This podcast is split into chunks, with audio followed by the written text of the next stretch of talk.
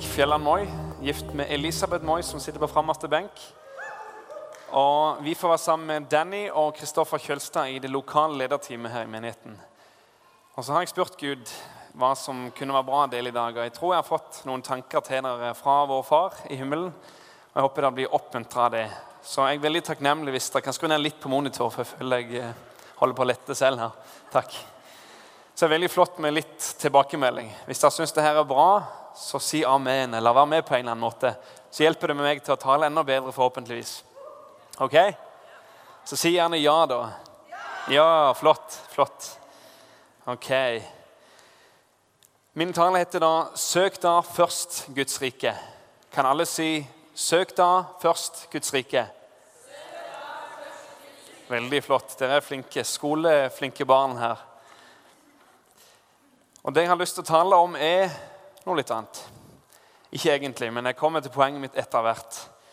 Eh, jeg gikk for en tid tilbake og tenkte hva skal jeg dele for noe? For Jeg har ikke lyst til å bare fortelle alle solskinnshistoriene mine. Men jeg har lyst til at dere skal sitte igjen med noe og bli oppmuntra og få lov å bli møtt av vår far.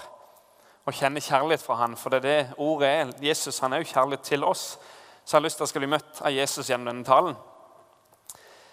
Eh, og så tenker jeg Det beste jeg kan gjøre, det er jo å fortelle om mine egne feil og hva jeg har lært. og sånt, For det kan jeg stå inne for. Ok? Så det går litt utover meg og forhåpentligvis ikke utover noen andre. Men at all ære går til Jesus. For vi skal ikke skryte av oss selv, men vi skal skryte av Han. Vi kan rose oss av vår svakhet. Og Hvor andre plasser finner du det enn i vår kristne tro? Der vi kan rose oss av våre svakheter. Vi kan tenke wow, tenk at jeg har svakheter. Men jeg kan rose meg i Kristus istedenfor. Takke Gud for det. Han er større enn alle våre feil.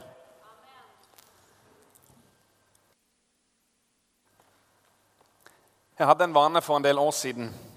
og Det var at jeg, eh, jeg kunne noen bibelvers utenat. Og de var veldig fine i seg selv. Men det jeg gjorde da, det var at jeg gikk til alle jeg så hadde problemer. Og så ga jeg et bibelvers som passa veldig godt til deres situasjon. Og det var herlig, det. Og noen ganger så brukte Gud meg så det var, det var liksom rett timing. At de trengte den oppmuntringen akkurat der og da. Men jeg ga alltid folk et vers. Og så har jeg et poeng i dag som vi skal snakke om i forhold til meg, kontekst. Hvordan vers, Det er ikke bare vers. Det var ikke Paulus sitt vers til filipperne, men det var Paulus brev til filipperne. Kan alle si brev? Ja. Kan alle si kontekst? Kan alle si at alt henger sammen? Og Så står det i Salme 119-160 at summen av Guds ord er sannhet. Så jeg kan ikke bare finne et vers og så tenker jeg, juhu, dette er mitt vers. Vi må liksom lese hele pakka. For hele Bibelen, hele Guds ord, det er til oss.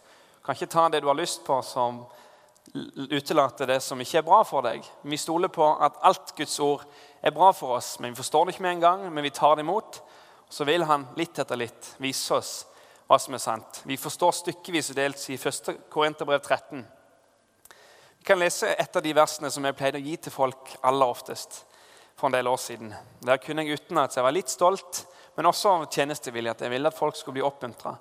Da leste jeg gjerne Salme 112, eh, vers 7. Og Det var i tråd med det som jeg fikk fra denne gudstjenesten, at jeg ville snakke om det her med bekymringer og det her med ja, stress i hverdagen og sånt. Så leser vi fra Salme 112, vers 7. Han skal ikke frykte for onde nyheter, eller dårlige nyheter i en annen oversettelse. Hans hjerte er fast. Det setter sin lit til Herren. Så det jeg ofte gjorde, det var at jeg sprang bort til disse jeg så var byrda ned av ting, ulike ting. Så sa jeg du vet at Guds ord sier at du skal ikke være bekymra. Det er sant. Gud har ikke lyst til at vi skal være trygt ned. Men så har jeg lyst til å ta det ett steg videre i dag, og at vi skal se på konteksten. Kan noen se hva som står i vers 1 i kapittel 112? Der står det Halleluja. Salig den mann som frykter Herren, som har sin store glede i Hans bud. Hans slekt skal bli mektig på jorden. De oppriktiges ett blir velsignet. Det er velstand rikdom i hans hus, og hans rettferdighet står fast til evig tid. Og Så går det videre og videre. og videre. Og Det står mye mer her enn bare det ene verset. For det handler om å sette sin lit til Herren. Det står i en kontekst. Så kan alle si kontekst en gang til. Kontekst. Hva skal vi se på i dag? Kontekst. Skal vi se på en del vers om dette her med bekymring og det med å ikke frykte seg, som er bra. Ikke frykte, men, men vi skal se det i kontekst. Så vi kan slå opp Filipperbrevet kapittel 4, også vers 6 og 7.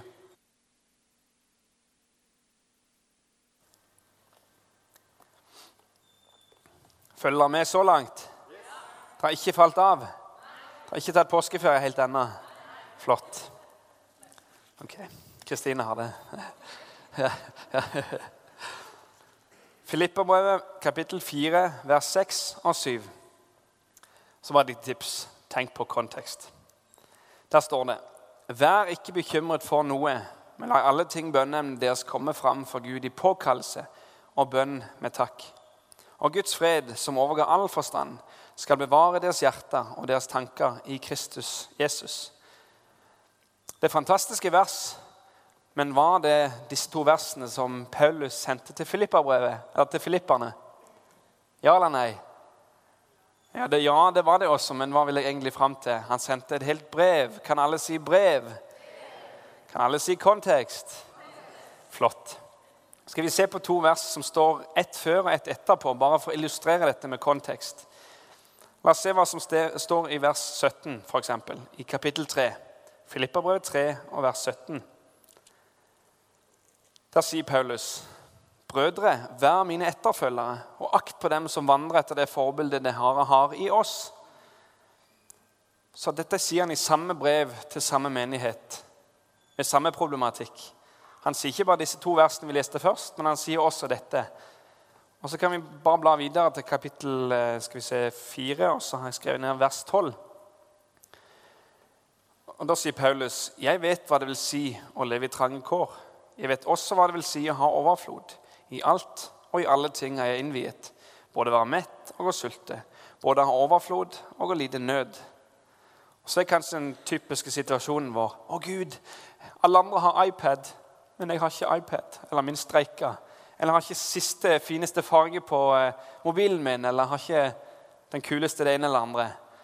Og så tenker vi å, å så fantastisk. Å, Guds ord er så godt. Å, så deilig med vers 6 i kapittel 4. Vær ikke bekymret for noe, men la alle ting bønnen deres komme fram for Gud i påkallelse og bønn med takk. Jeg blir helt salig.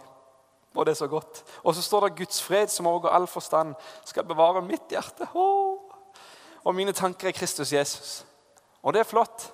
Men tenk på konteksten. Hvem er det Paulus skriver det her til? Er noen som deler tjeneste sammen med han. Han sto jo opp, han forkynte evangeliet. Han blir satt i fengsel. Han skriver gledesbrevet mens han sitter i fengsel. Det er konteksten. Stride for evangeliet. Søke først Guds rike. Og da passer dette her verset inn. Amen. I vers 12 hva sier han for noe? At han er, han er, vant med alt. Han har liksom godtatt det. at Noen ganger har jeg mye, noen ganger har jeg lite. Men jeg er takknemlig alltid. Så har jeg et lite sånn bilde for å illustrere mitt poeng. da. Tenk deg at du har et hus, et gammelt hus. og så... Eh, har du kanskje et veldig dårlig sånn elektrisk system i huset. Så kan vi gjøre en liten øvelse nå bare for å hedre en, en veldig flott mann. Kan alle si elektriker? Har vi en flott elektriker her i Jesus Church? Ja, Det er en fantastisk mann. Han burde ha blitt kjent med. Men eh, han hadde nok ikke vært fornøyd med dette huset som jeg skal illustrere. For der er det da elektriske ledninger rundt, men veldig, veldig eh, dårlig eh, kapasitet. Så du kan ha én og to stikkontakter i. Og du kan bruke kanskje en varmeovn og en datamaskin. Men så har du kanskje besøk av noen, og så kanskje du har kjøpt en nytt kjøleskap, og du har kjøpt en ny vifte, og du har kjøpt alt mulig. Men du har ikke forbedret det elektriske systemet ditt. Og så trykker du inn alt samtidig, og så blir det veldig varmt, og så skal du lage noe mat, og så Hva skjer da med sikringsskapet eller sikringene? Noen som vet det? De går. Og så tenker denne personen Oi, det var dumt. Og Så går han og setter inn ny sikring og så skrur på igjen. Gjør akkurat det samme som han gjorde i stad. Bruker akkurat de samme elektriske komponentene uten å gjøre noe med anlegget. Går det bra? Nei. Men så er det noen som, inklusiv meg selv, som ikke lærer. da. Vi tenker at ja men, ja, men Gud, det må jo bare be en gang til. Ta så Gi meg sånn gåsehud og liksom, at jeg ikke føler de her bekymringsfølelsene lenger. Men så glemmer jeg å se på konteksten. At det handler om å ha et liv der du søker Gud først. Så skal du få alt andre i tillegg.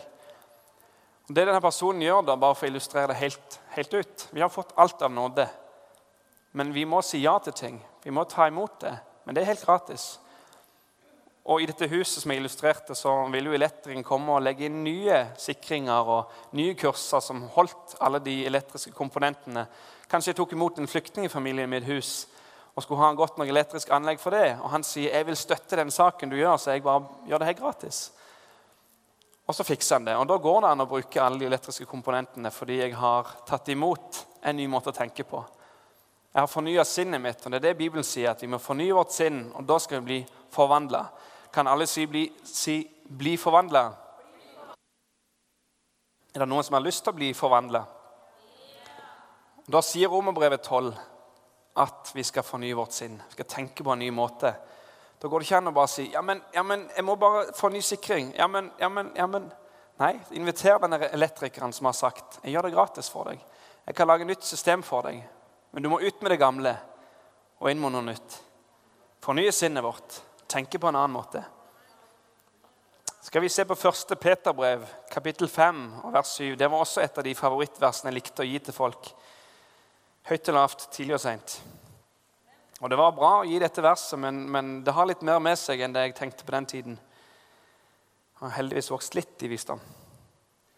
Hva står det i 1. Peterbrev, kapittel 5 og vers 7?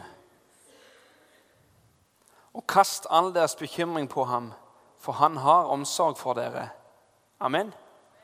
Altså, kast all deres bekymring på ham, for han har omsorg om dere. Bare sånn liten kuriositet eller en veldig bra ting, det er at I en av oversettelsene på engelsk så står det at 'kast deres bekymringer en gang for alle på ham', for han har omsorg for dere. Ikke lev et liv i bekymringer om og om igjen, men se det at han er større enn dine bekymringer. Men Måten jeg brukte dette verset på, var det at jeg, jeg så noen som var hadde det mindre bra. Og så sa jeg du vet det står dette i Guds ord. Og de aller fleste ble oppmuntra. Men det er litt som å, å legge plaster på et eh, kne som blør, og så, så kommer denne, denne, ungen som blør, da, så kommer han igjen neste dag, og så har han nytt sår. Så kommer han igjen dagen etterpå og har nytt sår. Og det fungerer greit å legge på plaster der og da. Men det hjelper jo ikke egentlig barnet så mye hvis han har en veldig eh, vilter framferd. Jeg så en sånn morsom film, og da var det en unge som hoppet fra alle mulige høyder. sånn to-tre meter høyt, og hoppet ned og landa rett på gulvet. Ja, det er i hvert fall Ikke sikkert jeg har sett den samme filmen, men den var i hvert fall morsom. Så det den ungen burde da få istedenfor bare plaster hver gang, det var kanskje en litt sånn en ny måte å tenke på. Det er ikke så lurt å klatre opp to-tre meter om bakken og bare hoppe rett og lande på magen på gulvet. Du får liksom sår av dette her, og det her går ikke godt. Jeg kan gi deg plaster her nå, men det du egentlig trenger, er å tenke igjennom er dette så lurt. OK? Ok? Og det vi skal se på da, bare i, For å få litt kontekst Kan alle si kontekst? På 1. Peter 5 og 7. Det vi kan lese fra vers 5 eh, faktisk, og til og med 11. Da står det Likeså skal dere unge underordne dere under de eldre. Og dere må alle ikle dere ydmykhet mot hverandre. For Gud står de stolte imot, men de ydmyke gir Han nåde. Ydmyk dere derfor under Guds veldige hånd, for at Han kan opphøye dere i sin tid. Og kast all deres bekymring på ham, for han har omsorg for dere. Vær edrue, våk. Deres motstander, djevelen, går omkring som en brølende løve og søker noen han kan oppsluke. Stå ham imot, fast i troen. For dere vet jo at brødrene deres rundt om i verden må gå gjennom de samme lidelsene. Men all nådes Gud, som har kalt dere til sin evige herlighet i Kristus Jesus Fantastiske vers.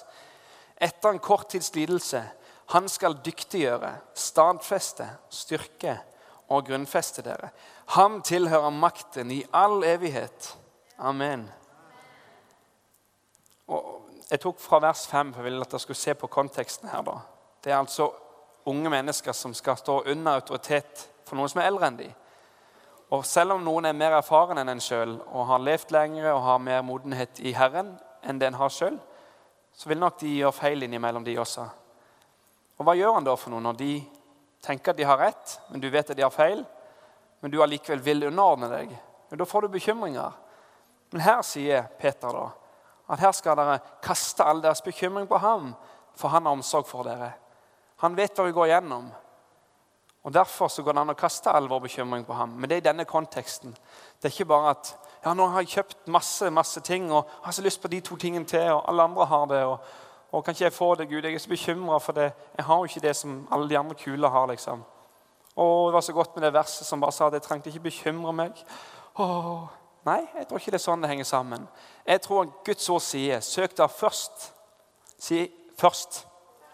Guds rike og hans rettferdighet, så skal dere få alt andre i tillegg. Kan du komme fram Elisabeth, og dele et lite vitnesbyrd? Vi har øvd på det hjemme, så det er ikke helt spontant. Så.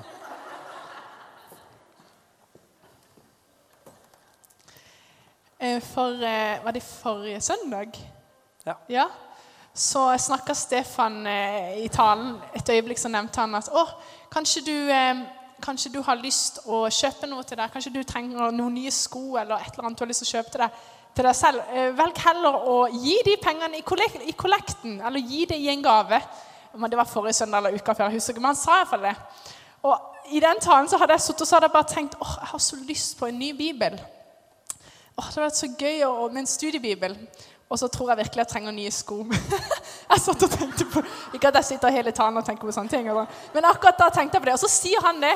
Så sier han kanskje hvis du har lyst til å kjøpe deg nye sko, kanskje du skal heller gi de pengene vekk i kollekt. Så tenkte jeg søren, Gud. Åh, jeg trenger jo dette her. Vi har jo ikke en studiebibel. Vi har jo, jeg trenger sko. Ja, Men så bare tenkte jeg ja, greit. Skal ikke kjøpe meg noen sko, skal ikke kjøpe noen bibel. for bare la det, bare slippe det da. Og så Den kvelden hadde vi besøk av noen. Eh, og så sier Erik Jeg hadde ikke snakka med Erik. Så sier Erik vet du hva, til han gutten da, vi skal kjøpe en bibel til deg. Du skal få en studiebibel av oss. Og så tenker jeg å, det er så flott. Det som jeg egentlig hadde lyst for, det skal vi få lov til å gi til han. For jeg, jeg ga ikke pengene i kollekten. ikke sant? Så tenkte jeg ja, da skal vi velsigne den, denne her gutten. Så vi kjøpte en studiebibel som jeg hadde veldig lyst på selv. Så bare bestilte vi den til han. Og tenkte den skal vi bare gi til han. Og så bare Ja vel, Gud. da. Sånn er det. Vi kan få lov til å bare gi slipp på vårt eget og bare velsigne andre og søke Guds rike først. ikke sant?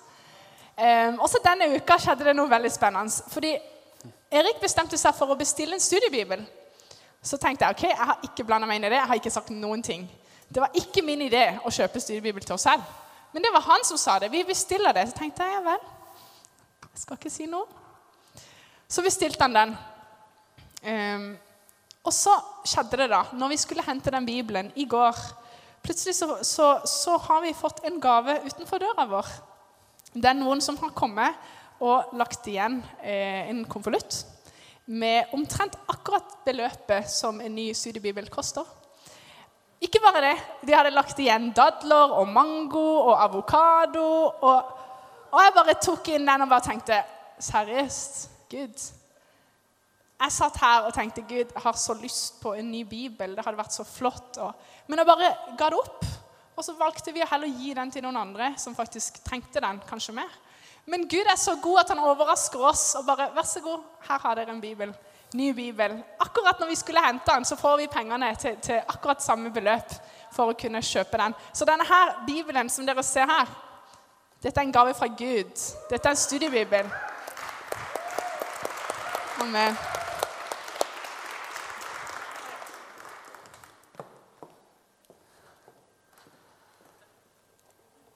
Skal vi gå rundt og forkynne bare masse tanker i det, eller skal jeg få, få lov å dele hva vi opplever med Gud? For det tror jeg det er kraft i til at andre kan bli inspirert av. Og da tror jeg at, at, det som jeg får lov å oppleve med Gud, det kan du også oppleve med Gud. For han gjør ikke forskjell på noen. Han er Gud som er til stede her i dag, og han er til stede i hele verden like mye alltid. Så søk han. Han belønner de som søker han av et helt hjerte. La oss gå og se på noe i forhold til det her eh, som jeg prøver å komme fram til. da. Utgangspunktet mitt var det med bekymringer og det her med ja, at en tenker på feil ting. da. Um, hvordan vi kan kanskje løse det på Guds måte, sånn som jeg tenker at er, er rett måte å deale med dette på. Da står det i første kongebok en veldig interessant historie, kapittel 17. Altså første kongebok, kapittel 17, fra vers 8.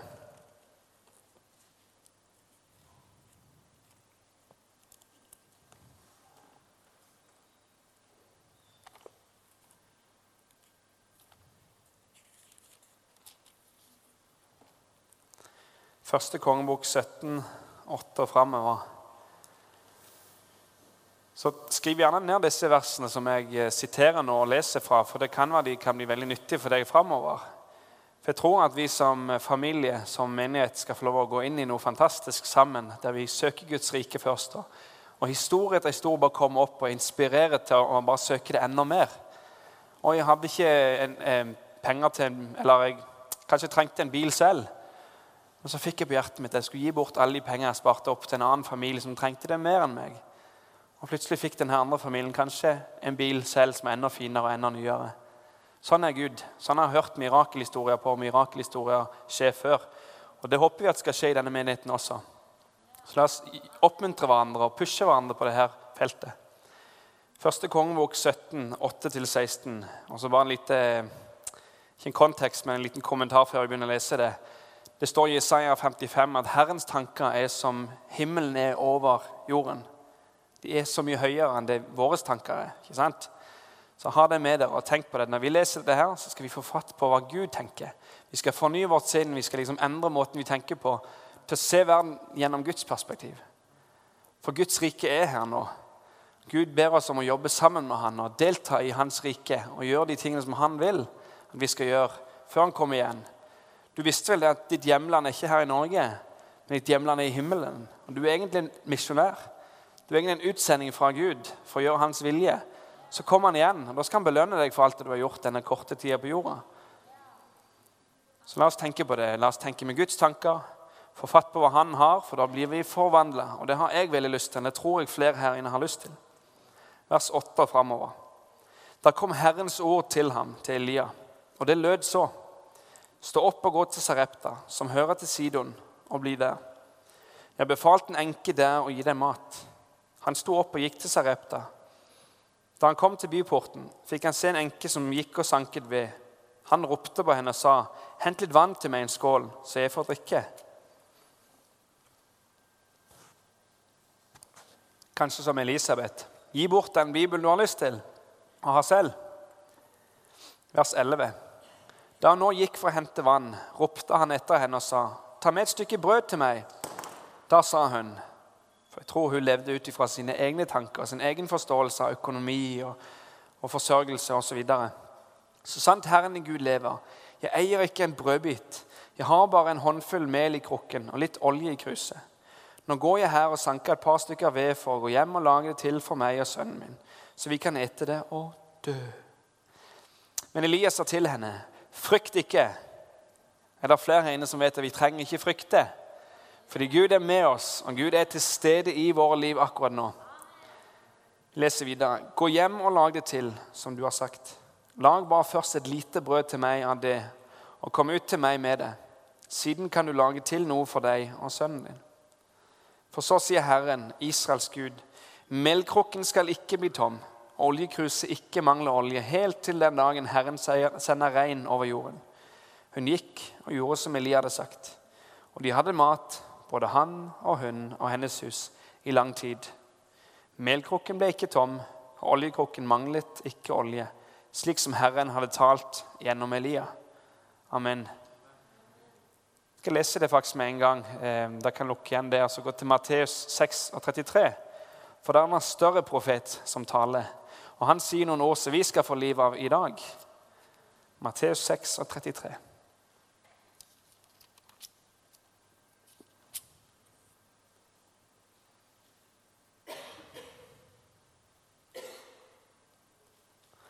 Da sier Jesus, profeten, Guds sønn og frelser. Søk da først Guds rike og hans rettferdighet, så skal dere få alt dette i tillegg. Amen. På samme måte som denne kvinnen hun tenkte jeg har bare litt igjen nå, det må jeg få spise selv. Så kan jeg dø. Men Gud har håp for oss. Men så er liksom oppskriften, tror jeg, sånn som jeg har sett i Guds ord så langt, at det å søke Guds rike først det er å få tak på Guds måte å tenke på. For når jeg blir en velsignelse for andre, så kan Gud velsigne meg også. For når jeg klarer å tenke velsignelse til andre, så klarer jeg å tenke velsignelse til meg sjøl. Når han utfordrer meg, gi bort det du har, til meg, så skal du få alt det andre i tillegg. Sånn som den historien vi leste i første kongebok. Så skjer det en omstilling i tankene. Nei, men det er elektriske ledningssystemet ja men, ja, men jeg orker ikke å ha alt det her ommøbleringen i huset mitt. Eller om det ser så fint ut og det er så hyggelig, og det har vært sånn helt siden jeg fikk huset av min far eller mor. Hvis dere tenker på den, det eksempelet jeg ga litt tidligere. Så sier han kanskje nei, du må faktisk ha nytt elektrisk system i huset ditt. Skal det tåle alt det jeg har lyst til å gjøre? Så ta imot det. Men du må være villig til å kaste bort det gamle du har. Feil måte å tenke på. Eller din måte å tenke på. Ta imot Guds måte å tenke på. Bli forvandla. Vi skal bli velsignelse for denne byen. Vi skal jo ha åpne hjem som bare gir mat til masse folk som bare sliter, som ikke har familie. Vi skal ha ekstra soverom i husene våre, så vi kan ha gjester på besøk som sliter, som har mareritt, eller som har blitt gått fra fra partneren, eller hva som helst trist. For vi skal bli en velsignelse.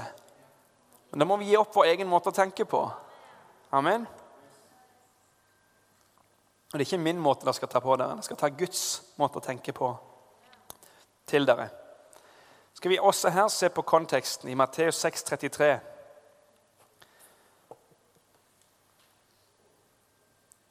Så kan vi lese fra vers 31. Matteus 6 og 31 til og med 34. Kan alle si kontekst? Kontekst. Det er sikkert veldig lei å si det, men kanskje dere husker at framover skal dere ikke gjøre sånn som jeg gjorde tidligere, og bare skyte vers til høyre til venstre til folk uten å ha tenkt på konteksten. Det er fint å gi et vers til noen, men, men tenk på hva det står, liksom, så du hjelper dem. Denne gutten som var et veldig dårlig eksempel på den filmen jeg så, som hoppa fra to-tre meters høyder og, og, fikk liksom sår på foten sin hele veien, så er det fint å gi han plaster én gang, men neste gang så bør du kanskje si til han, du, ikke hopp fra så store høyder. Finn deg en trampoline eller noe sånt istedenfor. Ok? Ja, noen som lo, iallfall. Det er bra. Vi leser vers 31 eh, og nedover. Vær derfor ikke bekymret og si hva skal vi ete, eller hva skal vi drikke, eller hva skal vi kle oss med? For alt slikt søker hedningen etter. Er vi hedninger? Nei. Vi er Guds folk.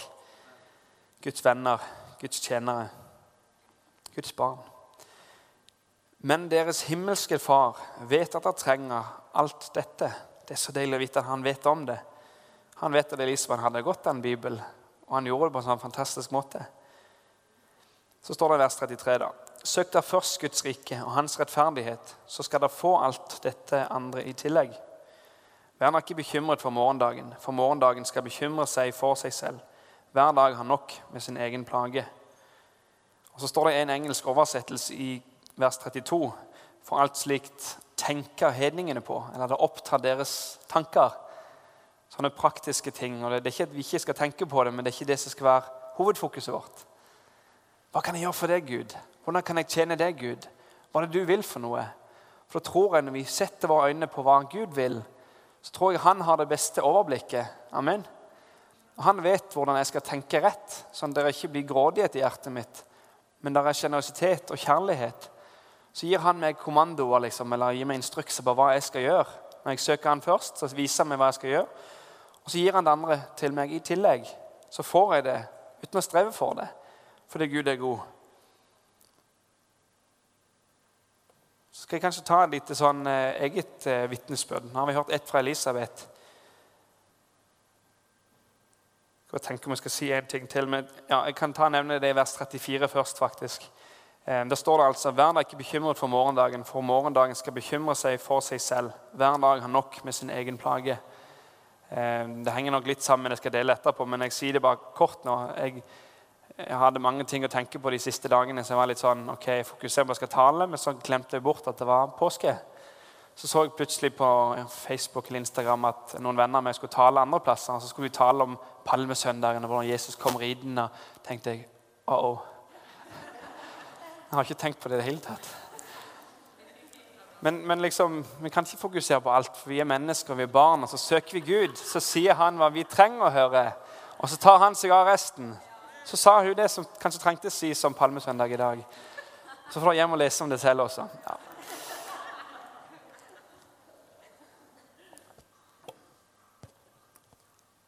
Så ja, det var det jeg skulle si. Et eget vitnesbyrd nå som har skjedd de siste dagene. Når vi kom til Oslo, så kjente vi at Gud han holder på å gjøre store ting i Jesus Church. Der vil vi være med. tenkte Vi vi vil bare tjene det vi kan, og være med så mye vi kan på alt mulig. bare gjøre det som Gud har behag i at vi er med og hjelper på. Og så har jeg tenkt at alt andre får komme som nummer to. Jeg søker han først, hans vilje, så får han fikse det andre for meg. Og Så ble jeg spurt om jeg kunne tale i dag for en, en tid tilbake. Men problemet var bare at jeg hadde jo jobbehelg på sykehuset samme helg. Jeg har ikke ennå bytta vekk noen vakter, så jeg vet ikke helt hvordan det fungerer. Og jeg tenkte at det her kan bli vanskelig. Jeg vet jo ikke hvem jeg jobber med, nesten.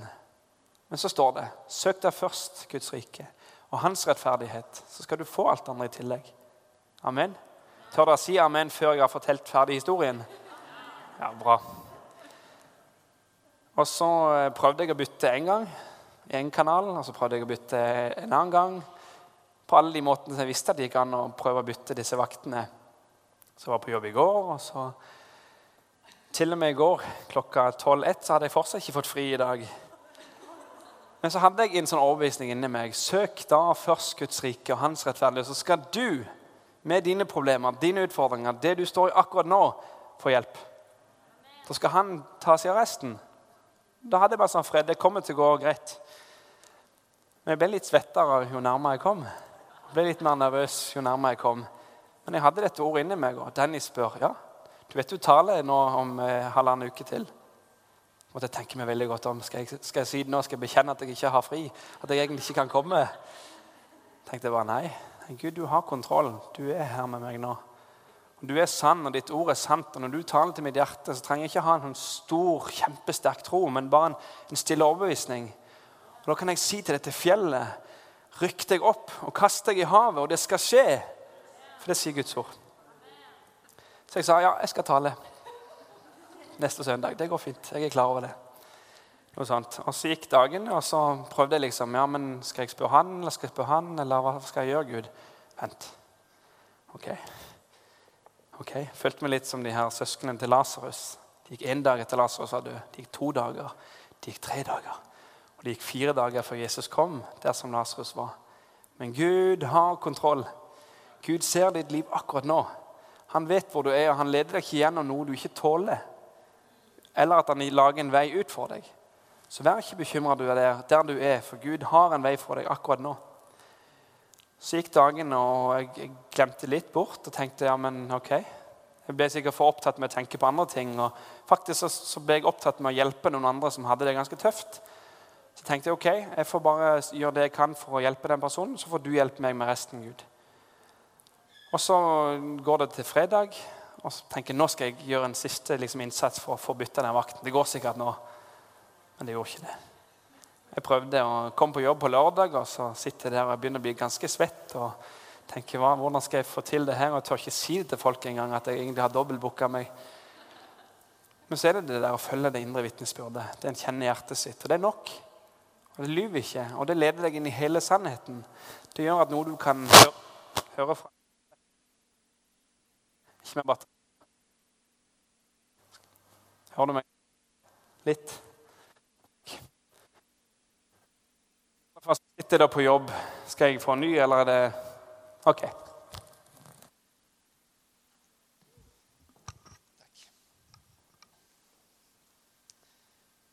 Så sitter jeg på jobb da og tenker hvordan skal det her gå til? Hvordan skal det her gå til? For vi tenker så mye. Men det er ikke det vi skal gjøre. Vi skal fokusere på Han. Vi skal ikke se på stormen som Peter gjorde. Vi skal se på Jesus som går på vannet. ikke sant? Vårt vann, vår storm, akkurat nå. Nå er frelsens tid. Gud vil hjelpe deg nå, ikke i morgen. Nå. Han vil gi deg ord til oppmuntring nå. Han vil utfordre deg nå. Frelsens time er nå. Amen. Så satt jeg hadde lunsj og så tenkte jeg bare, fikk jeg sånn ord inni meg. Klokka ett, da skal det være lyst. Ok? Så sitter jeg og har lunsjpause sånn rundt halv ett. Og Så sitter jeg og prater med de kollegaene mine og sånt, og gjør ikke så veldig mye ut av meg, for jeg er litt, sånn, litt anspent. Og så hører jeg henne si ja, nå har jeg fri i morgen, liksom, og hun har jobba mye tidligere. og sånt. Så tenkte jeg oi, der har jeg kanskje sjansen min. Kanskje hun har lyst til å jobbe for meg i morgen. Så kan jeg betale en ekstra eller et eller annet. Hva som helst, bare jeg får fri. Men så, så sier hun i neste setning Men nå har jeg jobba liksom tre helger på rad. Denne søndagen skal jeg ha fri.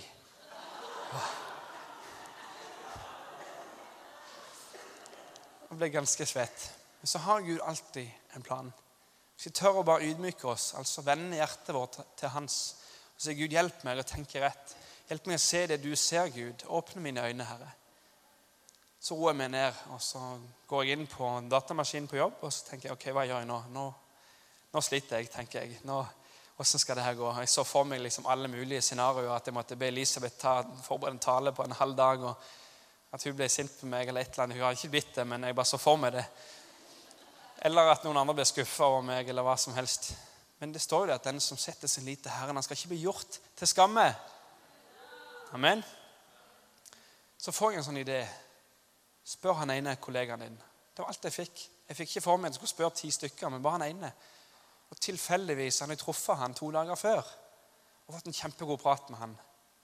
Sånn, jeg, jeg, skulle egentlig gjort noe på sykehuset, fiksa noen ID-kort, eller hva det var, og så var det stengt. Men så må jeg alltid takke Gud under alle omstendigheter.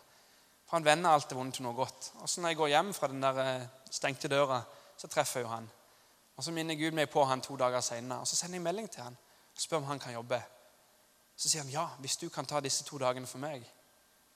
Så tok han det på strak arm og avlyste til og med planene sine den kvelden. bare for å gjøre det. Men det rare er, det som er så gudfeldig oppi alt det her Når da ringer han for å teknisk utføre det byttet, så sier han 'Tusen takk for du kunne ta det her for meg'.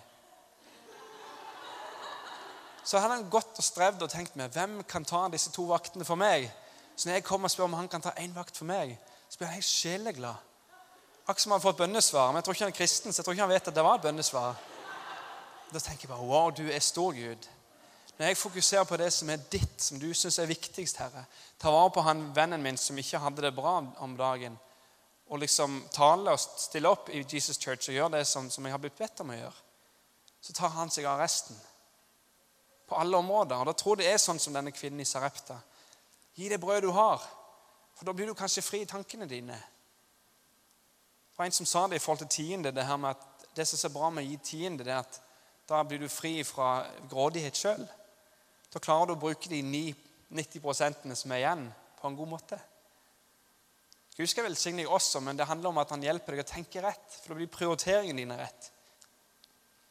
Og Samme tida di. Kanskje noen ganger så er det mer effektivt for deg å sette av en time om dagen til å være med Gud. Det tror jeg er bra uansett.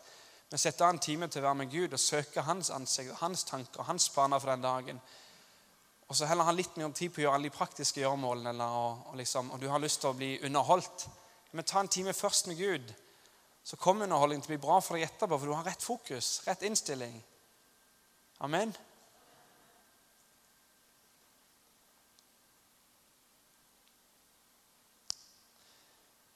Og så Merkelig nok Nå gikk jo alt det her i orden. Jeg var sånn Wow. Men det er typisk Gud.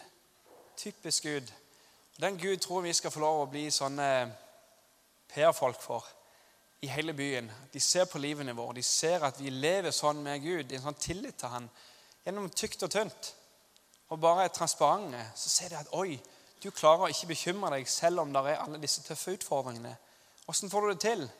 Eh, Jesus. Hans nåde. Hans nåde er nok for meg. I min svakhet så er hans styrke fullkommen. Amen. Og så skal folk få lov å bli kjent med Jesus gjennom at vi lever sånne liv. Og, og På vei til jobb så opplever jeg enda en ting til. Jeg, jeg eh, sjekka på Google Maps og når jeg måtte ta trikken hjemmefra for å komme tidsnok på jobb i går. og så tenker jeg, Det var to alternativer. En som jeg kom veldig veldig seint, sånn minuttet før jeg begynner på jobb, liksom, til jobben. Men er det egentlig å søke Guds rike først? Nei, jeg tror ikke det. Så jeg tenkte jeg, jeg må ta den tidligere, selv om den var 25 minutter tidligere. Altfor tidlig til jobben.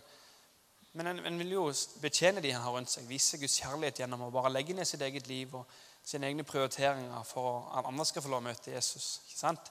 Gjennom vårt liv og gjennom hva vi sier. Så går ned til trikken, og så skal den komme klokka syv.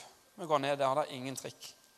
Så står det 15 minutter til neste trikk. Det var da jeg trodde han kom, men det var jo helt feil timing i forhold til hva Google Maps sa. Så tror Gud er herre over til og med Google Maps. Jeg tror Gud kan få sånne ting til å skje, sånn at jeg ja, tar feil. Men så er det det at vi skal alltid takke Gud og stole på at han har kontroll selv i de vanskeligste tingene og de letteste.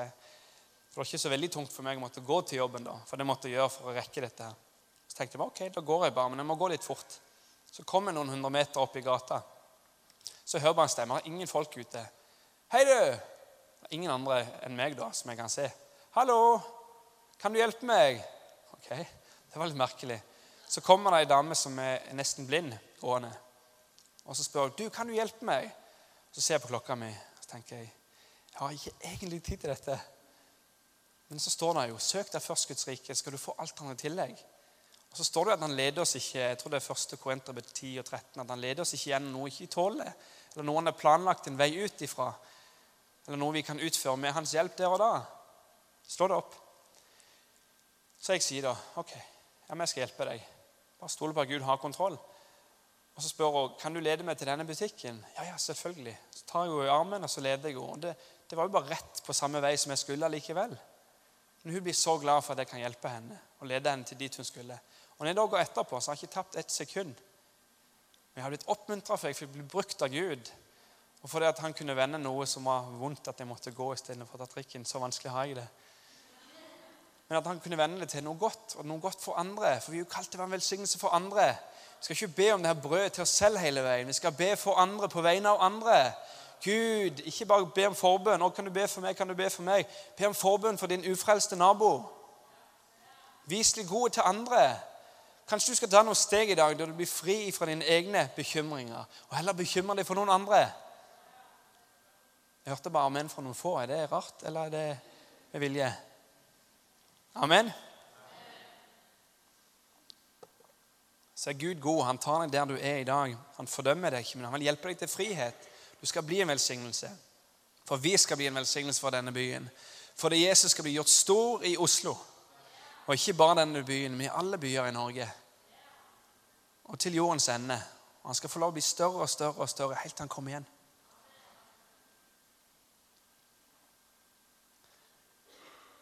Så tror jeg at vi skal bli som vår far. Jeg kunne gitt deg bibelvers på det også, men jeg tror det er Galaterbrev 5.1. Men, men jeg eh, skal bare si det, da.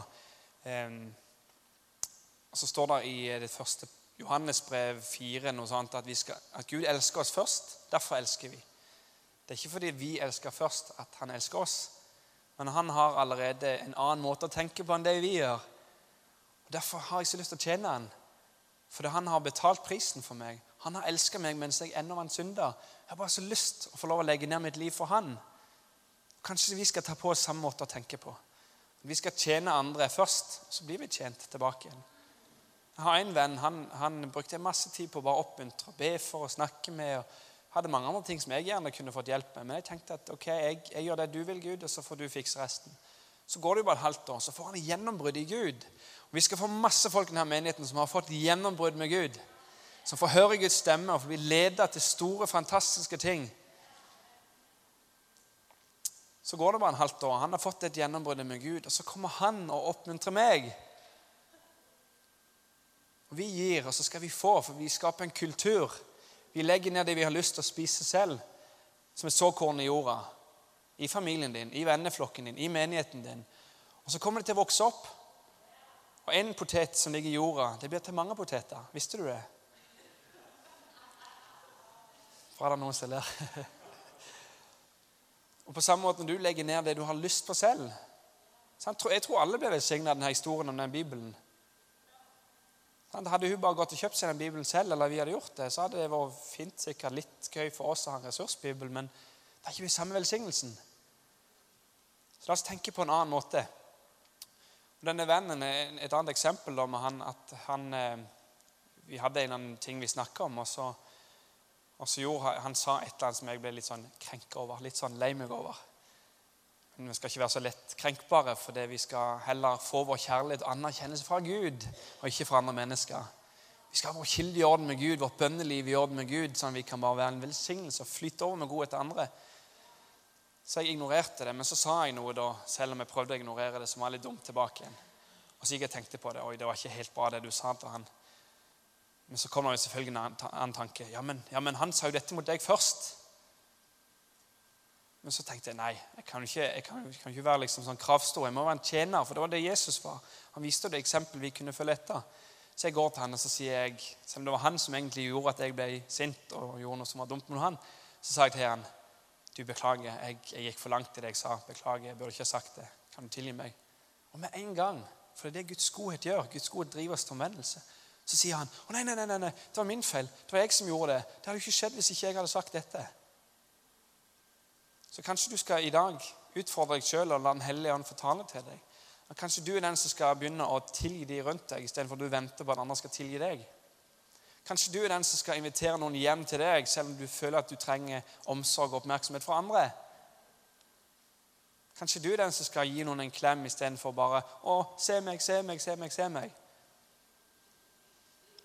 Beklager hvis jeg provoserer noen, men det, jeg håper folk begynner å tenke litt nytt. For det er sånn vi blir forvandla. Gjennom å få et nytt sinn. Fornye sinnet vårt. Så bare et lite perspektiv på, på det som kanskje noen går igjennom. Eh, jeg kan ta det helt kort til slutten av det. Andre Korinterbrev 1, 3-7.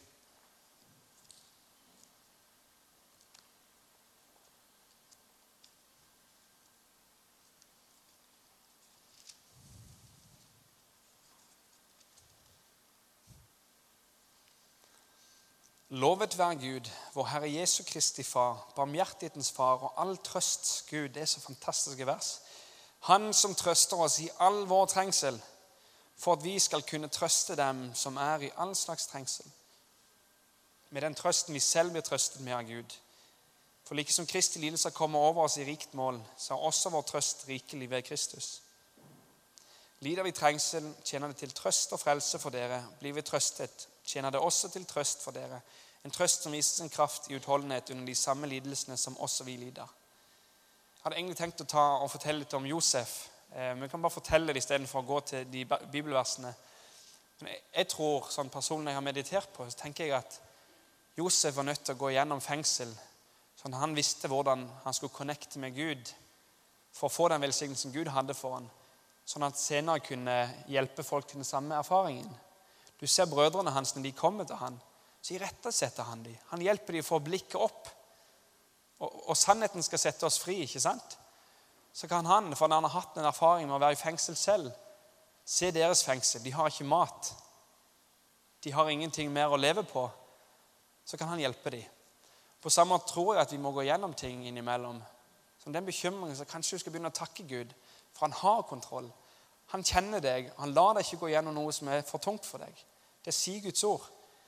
Og så står det her, da Han er først og fremst all trøsts Gud. Og Han trøster oss i vår trengsel. Tenk det du går gjennom nå, det skal du få lov til om noen måneder eller noen år til. Lov til å bli en velsignelse og si til noen andre og hjelpe dem med.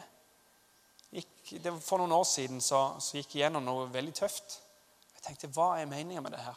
Hvorfor går jeg gjennom det her? Jeg søker deg ut av hele mitt hjerte. Og Likevel så havner jeg i fengsel, føltes det ut som. Følte meg som Josef. Er det noen andre som har følt seg som Josef innimellom? Men så gikk det bare opp et lys for meg bare for noen dager siden. Plutselig så forsto jeg hvorfor han hadde gått gjennom det kjempetøffe. For Nå så jeg en som hadde det akkurat sånn som jeg hadde det.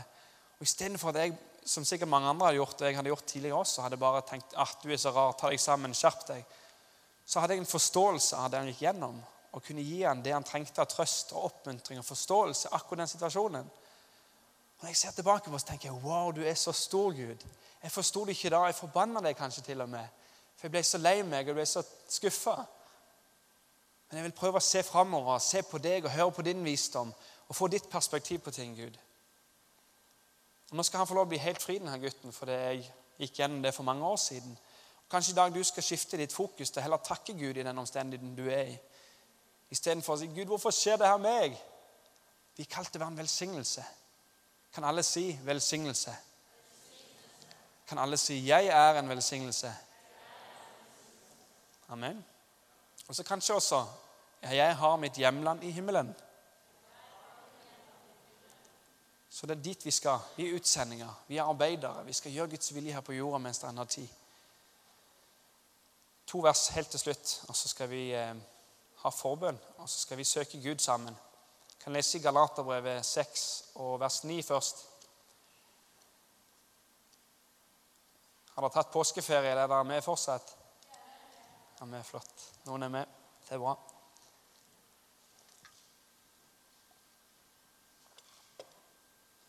Der står det Men la oss gjøre det gode og ikke bli trette. For vi skal høste i sin tid, så sant vi ikke går trette. Da skal jeg stå på Gud. Jeg skal ikke gi opp, sånn at jeg kan få høste det jeg vil ha. Kan alle si Hva tror dere jeg skal spørre dere om nå? Kontekst! Veldig flott. Vi leser fra vers 8 og til og med 10. Så tar vi med 9, siden det er i konteksten. Okay? Den som sår i sitt kjød, skal høste fordervelse av kjødet. Men den som sår i ånden, spør Gud, har fellesskap med Han, spør Han, la Han lede deg, skal høste evig liv av ånden. Men la oss gjøre det gode og ikke bli trette, for vi skal høste i sin tid, så sant vi ikke går trett. La oss derfor, mens vi har tid, gjøre det gode mot alle, men mest mot troens egne folk. Så tror jeg det er et veldig viktig poeng i vers 10. At vi skal først begynne der vi er. Vi skal dele godhet med de som er rundt oss. Og så renner det utover det fellesskapet som vi har, og ut til hele byen, og til vår familie og til de som vi har litt lenger ute. Jeg skal lese til slutt Jesaja 43. Dette er sånn vers som jeg har levd på når jeg har gått gjennom ting. For for Guds ord er sånn. Det er profetisk i sin natur. Det skaper det det, det sier. Gud sa 'bli lys', og det ble lys. Og Jeg hadde en tøff tid, men så var det en, en venn som gikk og oppmuntra meg og sa at 'jeg tror Gud sier disse versene til deg'. Isaiah 43, vers 1 til og med 3. Og nå, så sier Herren som skapte deg, Jakob som dannet deg, Israel, frykt ikke, jeg har gjenløst deg, kalt deg ved navn, du er min. Når du går gjennom vann, er jeg med deg. Og gjennom elver skal de ikke overskylle deg. Når du går gjennom ild, skal du ikke svies, og luen skal ikke brenne deg. For jeg er Herren din Gud, Israels hellige, din frelser. Jeg gir Egypt til løse penger for deg, Etiopia og Saba gir jeg i ditt sted. Det er et ord som egentlig talt til Israels folk, men Gud er den samme som han var mot Israels folk, enig mot oss.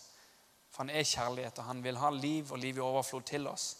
Og Det bar meg gjennom, og det skal kanskje være et ord som bærer deg også gjennom. Men, men i dag skal vi gjøre det veldig konkret. Så skal lovsangene komme fram. Og Så skal vi ha litt tid nå der vi søker Gud sammen, for, for Den hellige ånd skal lede deg inn i hele sannheten. Kanskje følte du deg litt truffet av noe av dette, eller veldig truffet av dette her. Vi skal la Den hellige ånd fortale til hjertene våre. Og Så skal vi ikke vente en uke eller en måned eller bare legge bort det da Gud taler, men vi skal handle på det han sier til oss. Så dere kan reise dere opp, alle sammen.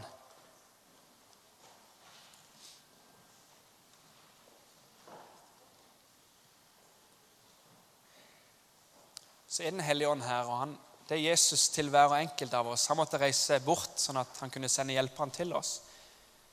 Skal vi bare være i bønn nå, alle sammen, og, og spørre Gud hva, hva vil du utfordre meg på. Jeg har lyst til å bli forvandla. Jeg har lyst til å få nytt ledighetsnett. Hva vil du jeg skal gjøre, Gud? Så kan det veldig godt være Gud sier gi bort det der som du hadde lyst på. Eller gi bort penger, eller inviter noen hjem. Gjør noe for noen. Og Så skal du se at Gud kommer til å bekrefte sitt eget ord, for Gud er sann. Han lyver ikke. Og Han skal velsigne deg tilbake. Men sånn at det blir en velsignelse for deg. At det ikke blir sånn du bare bestiller hva du vil ha fra Gud, men at han kan være din pappa. At han ikke er bare ett vers her og der, men han er hele budskapet. Når han får lov å være i livet ditt. Takk deg, Herre, for frihet til å tenke ut dine tanker nå, Herre. Takk, Herre, for du skal bare inspirere en bønn i hvert enkelt hjerte, Herre. Hvordan du kan bli herliggjort, Herre. Hvordan du kan bli gjort stor, Herre. Hjelp oss til å gi slipp på våre egne tanker, Herre, og søke ditt rike først, Herre. Takk for det. Vi skammer oss ikke over evangeliet, de gode nyhetene, Herre, for det du har sagt og det holder det, det du har sagt. Så når vi søker først ditt rike og din rettferdighet, Herre, så skal du gi oss alt andre også, Herre. I tillegg, Herre. Vi søker bare Gud mens de spiller. Skjønner